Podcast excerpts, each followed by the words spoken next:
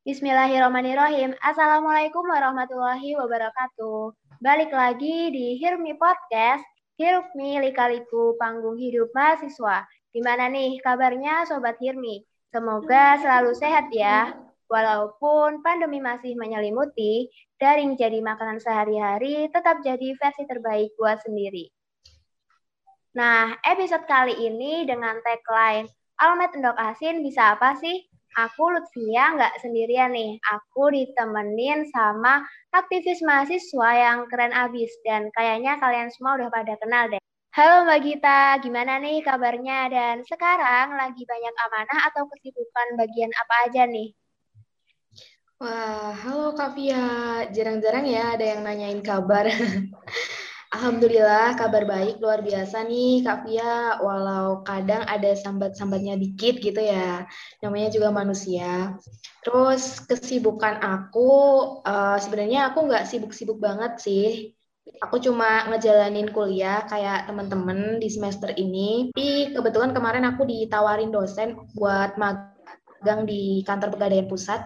Jadi buat September besok pertengahan ini aku berangkat ke Jakarta gitu. Terus uh, aku juga ada project bareng dosen kayak startup itu dan kebetulan juga anis dan kemitraan. Nah, kalau dari Kak Via sendiri apa kabar nih? Wah, alhamdulillah sih juga jarang-jarang juga nih ada yang nanyain kabar ke aku. Alhamdulillah masih baik, apalagi ini masih awal di semester ganjil ya Mbak kita. Berarti ini ya udah prepare buat ke Jakarta buat pegadaian itu ya? Iya, aku udah mulai prepare-prepare nih baru nyari kos. Udah dapet sih. ya, alhamdulillah semoga dilancarin ya Mbak kita. Amin. Nah, kalau balik lagi nih ke tagline kita tadi, Almet Ndok Asin bisa apa sih menurut Mbak kita nih? Pandangan atau kebayangnya kayak gimana sih pakai tagline Almet Blok Asin bisa apa sih? Oke, Almet Endok Asin ya, tak lain dan tak bukan ya sebutan yang terkenal dari ciri khas mahasiswa yang berkuliah di UNS nih. Nah, kalau menurut aku pribadi, meskipun UNS mungkin tidak sepopuler kampus lainnya seperti UGM, ITB, dan UI, namun uh, eh, UNS ini tidak bisa dipandang sebelah mata nih. UNS merupakan salah satu kampus terbaik di Indonesia, bahkan uh, waktu aku masuk di perkuliahan gitu ya, UNS masuk sebagai kampus dengan peminat SBM tertinggi juga.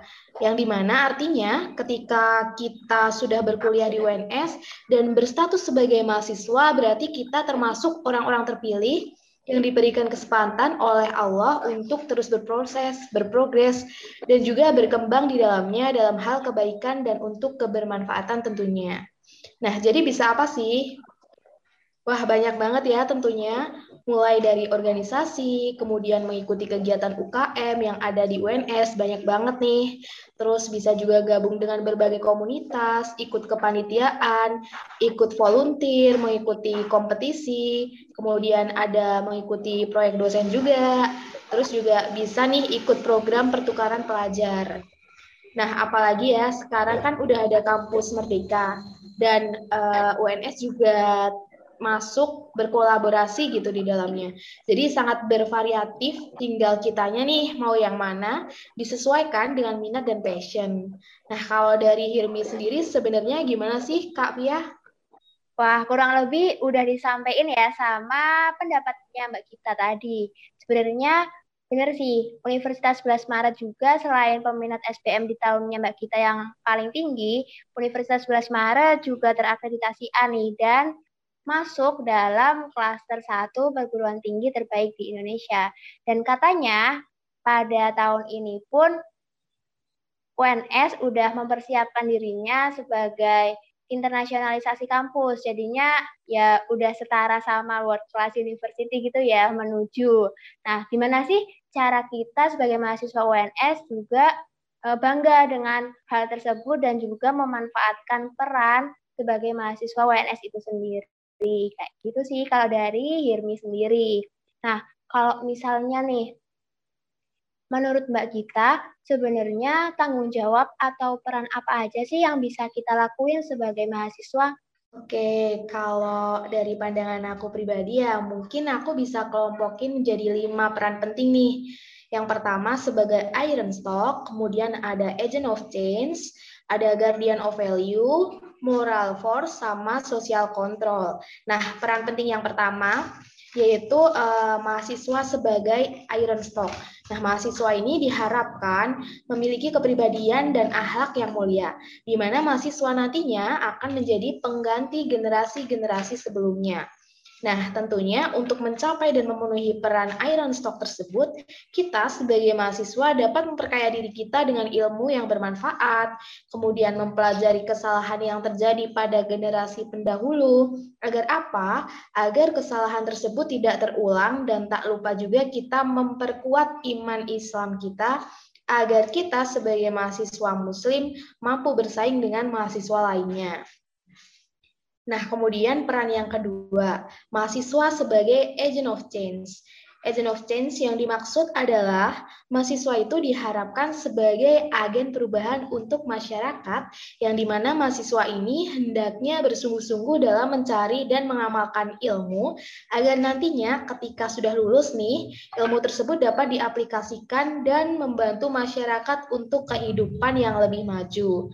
Nah, uh, sebenarnya aku agak mengambil konsep juga ya dari surat Al-Rod ayat 11 yang menjelaskan bahwa apabila suatu kaum menginginkan keadaan yang lebih baik, maka kaum tersebut harus berubah terlebih dahulu.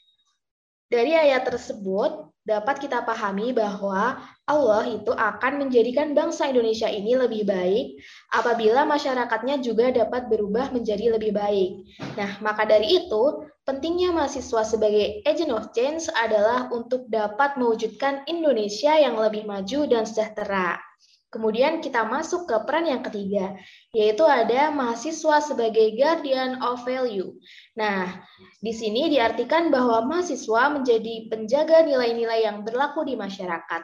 Nilai tersebut merupakan nilai positif yang dapat membawa bangsa Indonesia menjadi lebih maju. Nah, nilai yang harus dimiliki oleh mahasiswa yang harus dijaga adalah sesuatu nilai yang mutlak dan nilai tersebut bersumber dari zat yang maha mengetahui dan maha benar. Sehingga nilai tersebut itu tidak memiliki suatu keraguan dan bukan merupakan hasil dari suatu pragmatis. Adapun nilai lain yaitu nilai dari kebenaran-kebenaran ilmiah yang mana pastinya sebagai mahasiswa akan melakukan berbagai macam penelitian yang tentunya bersifat ilmiah juga. Nah, hanya saja kebenaran ilmiah itu pastinya merupakan representasi dari kesempurnaan dan kemampuan dari zat yang maha agung yaitu Allah Ta'ala. Nah, ketika mahasiswa telah memiliki konsep nilai itu sendiri, maka mahasiswa dapat menjaga nilai positifnya dan dapat mengarahkan bangsa ke arah yang lebih baik. Oke, selanjutnya nih yang keempat ya berarti itu mahasiswa mempunyai peran sebagai moral force. Nah, moral, moral force ini dapat diartikan bahwa adanya kekuatan moral yang dimiliki oleh mahasiswa nih, teman-teman Hirmi. Jadi kita sebagai mahasiswa itu dapat menjadikan uh, moral force ini sebagai acuan dasar dalam berperilaku. Dasar-dasar yang harus dimiliki, uh, misalkan bagaimana cara kita bersikap, kemudian bagaimana cara kita berbicara, bagaimana cara kita berpikir, dan lain sebagainya yang berhubungan dengan moral yang baik. Nah, pada peran ini, intelektualitas kita itu dituntut untuk memiliki kekuatan moral yang mengarahkan kita untuk hidup bermasyarakat dengan baik. Nah, ini nih yang terakhir, peran yang tak kalah pentingnya, yaitu ada mahasiswa sebagai sosial kontrol. Nah, mahasiswa mahasiswa di sini itu berarti eh, diharapkan sorry sorry. Nah, mahasiswa di sini itu diharapkan memiliki peran sebagai pengontrol kehidupan sosial dalam bermasyarakat. Nah, dalam hal ini, mahasiswa dapat menjadi jembatan antara masyarakat dengan pemerintah. Fungsi jembatan tersebut yaitu mahasiswa itu dapat menyampaikan aspirasi masyarakat kepada pemerintah dan mahasiswa juga memiliki hak untuk mengkritisi pemerintah dari segi kebijakan yang telah dibuat. Nah, Sobat Hirmi, dari kelima peran dan fungsi itulah yang sejatinya harus dapat dimiliki dan dijalankan oleh kita sebagai mahasiswa. Nah, dengan menerapkan peran dan fungsi tersebut juga, maka bukan hal yang tidak mungkin nantinya bangsa Indonesia ini akan bergerak lebih maju dan lebih baik lagi. Gitu, Kak Fia. Wah, keren ya. Cara pemikiran atau gimana ya? Pola pikir dari Mbak kita nih udah jauh banget. Gimana harapan kita nih sebagai mahasiswa juga terhadap bangsa Indonesia supaya lebih baik yang dimulai nih dari masyarakat dan semoga kita bisa ikut ambil bagian nih di dalamnya.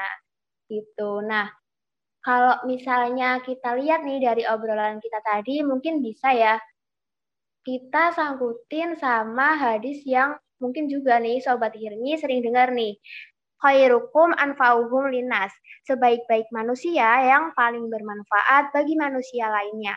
Mungkin kebermanfaatan bisa kita ikhtiarkan melalui peran kita sebagai mahasiswa. Nah, belakangan ini juga ada ya Mbak, kayak isu-isu yang emang lagi panas nih di lingkungan UNS itu sendiri, kayak misal SPI, UKT, atau kondisi-kondisi gimana pendidikan itu diobrolin kayak komoditi perdagangan itu sendiri gitu. Nah, kalau menurut Mbak Gita nih, mahasiswa kayak kita itu bisa apa aja sih menanggapi masalah-masalah kayak tadi? Oke, wah Kak Fia ini cukup update ya sebagai mahasiswa. Kalau menurut pandangan aku, mungkin kita sebagai mahasiswa ketika mendapati masalah, baik itu muncul dari isu yang bisa menimbulkan masalah atau masalah yang bisa muncul sendiri, misalnya eh, poster yang menimbulkan kontroversi ataupun kesulitan ketika mekanisme mengajukan keringanan UKT atau hal lain yang tadi sudah disebutkan Kak Fia, menurut aku pribadi, kita sebagai mahasiswa itu harus melakukan cross check terlebih dahulu nih. Atau ya bahasanya kita menanyakan gitu atau mencari tahu apakah benar yang disampaikan publik mahasiswa UNS itu seperti itu. Nah, jika kita sudah tahu dari sisi mahasiswanya, kita mungkin bisa nih follow up lagi, mungkin bisa dengan cara mengikuti audiensi ataupun lain sebagainya dan kita sebagai mahasiswa dan kita sebagai mahasiswa harus memiliki idealisme dalam artian ya ketika ada masalah seperti itu, kita udah tahu nih dan bisa menentukan pilihan mana yang bisa kita pilih dan bisa kita lakukan. Apakah kita diam saja atau kita harus uh, mengikuti teman-teman kita atau kita harus membantu rektorat dalam artian ya tidak bisa sesempurna itu gitu dalam membuat peraturan atau membuat suatu sistem yang pasti ada minusnya gitu. Jadi antara ketiga itu uh, bisa disesuaikan dengan pikiran masing-masing, disesuaikan dengan kebenaran, disesuaikan dengan apa yang kita mau. Jadi selayaknya mahasiswa itu uh, tidak boleh gitu yang hanya diam aja. Jadi perlu dipertimbangkan kembali. Yang pertama berita itu yang didapat benar atau enggaknya, kemudian kita bisa uh, kemudian baru kita bisa mengambil sikap gitu dari situ. Gitu Kak Fia. Wah, iya kayak ini ya Mbak, kayak idealis boleh nih kita kayak mengutarakan pendapat kita, terus kayak ingin melihat aspirasi-aspirasi dari mahasiswa, idealis boleh, cuma kita juga harus mungkin lebih realistis dengan data-data yang ada ya Mbak. Iya, bener banget. Nah, kalau misalnya nih, Selain peran dan tanggung jawab kita ke lingkungan, ke sesama manusia juga yang ada di UNS atau di lingkungan lainnya, sebagai mahasiswa Ndok Asin, kita juga wajib banget nggak sih memaksimalkan potensi yang kita punya. Kalau kita kembali ke surat Atin ayat 4, yang berarti sungguh kami menciptakan manusia dalam bentuk yang sebaik-baiknya, dapat kita ambil hikmahnya bahwa kita sudah diberi bahwa kita sudah diberikan kemampuan dan potensi. Tinggal gimana kita kenalin dan memaksimalkan itu semua.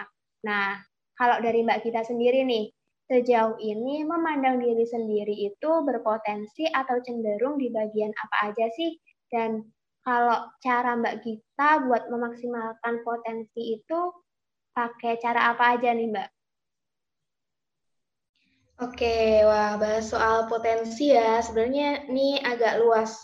Kalau aku memahami diriku sendiri, mungkin karena emang dari kecil nih eh, background dari orang tua aku juga bisnis gitu ya. Jadi aku kayak lama kelamaan juga cenderung memiliki potensi di situ gitu.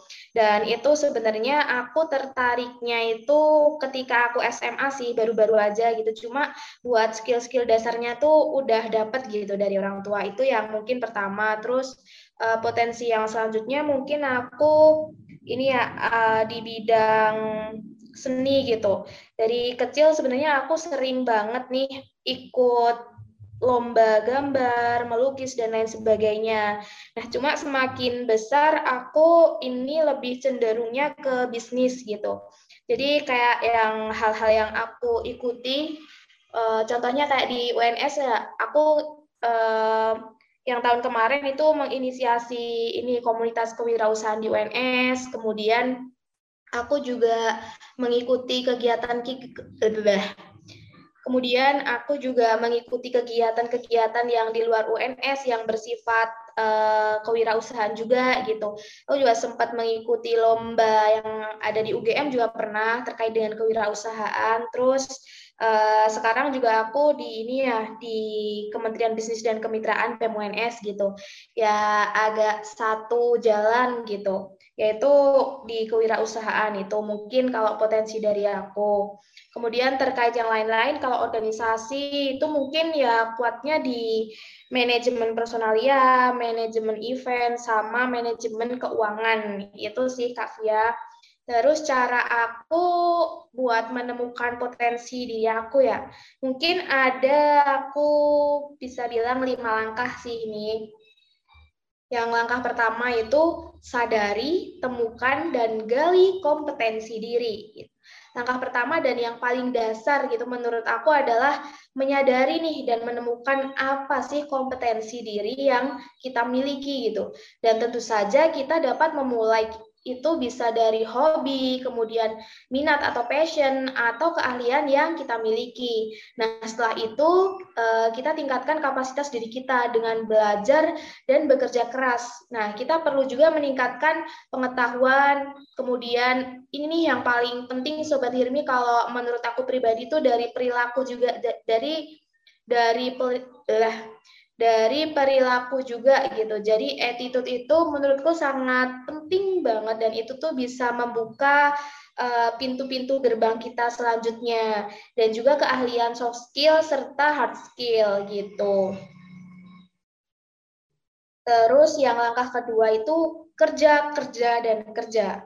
Nah, setelah kita menyadari, kemudian kita mencoba mencari lingkungan yang positif, kemudian uh, kita juga udah memiliki niat, udah memiliki impian, menentukan tujuan dan strategi, kemampuan serta potensi diri, ya berarti saatnya kita untuk kerja gitu. Kita untuk uh, melakukan hal itu gitu. Jadi perubahan besar itu selalu dimulai dari sebuah gerakan. Nah, oleh sebab itu kita harus berani bergerak nih.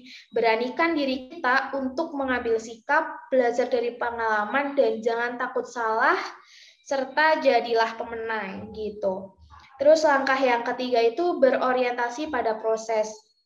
Nah, ini mungkin lebih ke ini ya uh, yang berkaitan dengan potensi dari aku sendiri ya yaitu di bisnis gitu. Nah, ini ada perdebatan seru di kalangan pebisnis yaitu apakah sebaiknya seorang seseorang itu berorientasi pada proses atau orientasi pada hasil. Nah, sebagai anak uh, muda gitu ya, sebagai mahasiswa itu uh, sering banget aku tuh dapat saran agar kita tuh berorientasi pada proses. Jadi melakukan proses yang benar, cara kerja yang benar, dan hasil yang baik itu pasti akan mengikuti gitu. Kemudian langkah yang keempat, jangan lupa lakukan evaluasi. Nah, evaluasi ini bisa dari diri sendiri, bisa dari orang lain, kemudian bisa juga dari rekan kerja kita, rekan main kita, dan lain sebagainya. Melakukan evaluasi itu adalah sebuah kebiasaan yang bagus dalam menjalani hidup. Mengevaluasi di sini itu berarti melakukan pengecekan bagian-bagian apa saja yang sudah benar, apa saja yang masih salah, kemudian uh, apa saja yang masih bisa dioptimalkan dan lain sebagainya gitu. Jadi kalau aku sharing-sharing nih sama orang-orang yang dewasa gitu ya, yang udah sukses, entrepreneur sukses itu adalah orang-orang yang mereka itu selalu melakukan evaluasi dan melakukan perbaikan gitu dari setiap kesalahannya. Kemudian langkah yang kelima itu hargai setiap apa yang Kemudian langkah yang kelima itu hargai setiap apa pun yang kita lakukan gitu.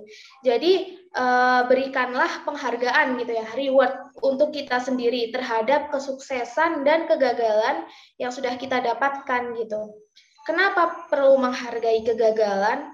Karena di setiap kesuksesan dan kegagalan itu selalu ada pembelajaran gitu. Jadi uh, aku selalu nerapin itu gitu. Biar apa? Biar ya kita tuh nggak jatuh gitu dalam mungkin uh, ketika kita melewati hal-hal sulit untuk mencapai sebuah kesuksesan. Nah, setidaknya kita juga sudah pernah mencoba gitu melakukan hal tersebut. Dan ada kata-kata bijak ya yang mungkin uh, aku pernah baca juga. Jadi kegagalan itu adalah kesuksesan yang tertunda. Jadi coba untuk apa ya? Jangan menyerah gitulah. Jadi ketika kita gagal ya berarti evaluasi, kemudian nyari opsi, plan yang baik gimana, dan dilakukan dengan cara-cara yang terbaik untuk mencapai atau menemukan dan mengembangkan potensi yang ada dalam diri kita. Gitu Kak Fia. Wah, udah kayak nasi goreng paket komplit ya. Udah nggak ada lagi yang bisa diperdebatin gitu. Semoga aku sendiri pun juga buat Mbak kita juga dan tentunya Sobat Hirmi bisa nih termotivasi dan bisa melakukan tips-tips dari Mbak kita tadi kayak sadari, temukan gali, kerja kerja kerja dan jangan lupa nih tak dan jangan takut nih buat salah dan jadi pemenang. Terus orientasi juga sama proses, kita evaluasi dan jangan lupa hargai setiap apa yang udah kita lakuin. Nah, kalau ada nih, benar-benar. Nah, terakhir nih Mbak kita nih, ada nggak sih kayak closing statement dari Mbak kita buat Sobat Hirmi di rumah kayak gitu? Oke, closing statement ya. Mungkin aku menarik benang merahnya aja ya dari apa yang sudah kita diskusikan uh, hari ini karena teman-teman juga ngambil temanya yaitu almet endok asin bisa apa. Jadi kalau closing statement dari aku mungkin uh, siapa pun kita, di mana pun kita berproses, di mana pun kita berkuliah, di mana pun kita menuntut ilmu, yang menentukan kita sukses atau tidak, kita berhasil atau tidak, itu tuh adalah diri kita sendiri gitu. Jadi uh, meskipun uh, apa ya universitas-universitas favorit, universitas-universitas yang baik itu tidak akan menjamin kesuksesan dari teman-teman gitu. Yang menjamin kesuksesan dari teman-teman itu adalah diri teman-teman sendiri gitu. Jadi coba kita untuk selalu mensyukuri apa pun yang terjadi, kemudian mencari opsi dari uh, bentar, kemudian mencari opsi dari apa yang kita miliki, apa yang kita punya, entah itu SDM, entah itu SDA atau apa pun itu untuk dimaksimalkan sehingga hasilnya itu bagus dan memuaskan gitu. Mungkin itu Kak Fia uh, closing statement dari aku. Kalau pesan aku buat sobat Hirmi yang ada di sini, Jangan pernah insecure, uh, gali apa yang teman-teman miliki, apa yang teman-teman punya untuk kemudian dimaksimalkan menjadi hasil, menjadi dobrakan-dobrakan baru untuk bangsa, untuk negeri, dan untuk orang-orang sekitar, dan untuk kebermanfaatan. Gitu Kak Fia. Mungkin itu dari aku. Dari aku. Nambah semangat ya Sobat Hirmi. Udah kayak benar-benar motivator nasional, internasional gitu buat kita nih. Dan Nggak kerasa juga ya, udah ada di ujung episode aja nih. Semoga obrolan kita tadi bisa bermanfaat dan tentunya bisa menjadi dorongan kita memaksimalkan peran sebagai mahasiswa. Ingat tadi kata Mbak kita yang menentukan kesuksesan kita bukan tempat yang ada di kita gitu. Cuma ada di diri kita itu sendiri karena emas akan tetap menjadi emas di mana pun berada dan tentunya maksimalin potensi yang kalian punya ya. Terima kasih kepada Mbak Kita yang udah meluangkan waktu nih di tengah kepadatan kesibukannya. Terima kasih untuk Sobat Hirmi yang setia mendengarkan dan tetap jaga kesehatan ya. Patuhi protokol kesehatan dan tetap di rumah aja. Buat yang masih kepo sama topik episode kita kali ini atau pengen request konten, tapi lewat official account UNS. Cukup sekian episode kali ini dan stay tune terus Tunggu episode Hirmi selanjutnya. Wassalamualaikum warahmatullahi wabarakatuh.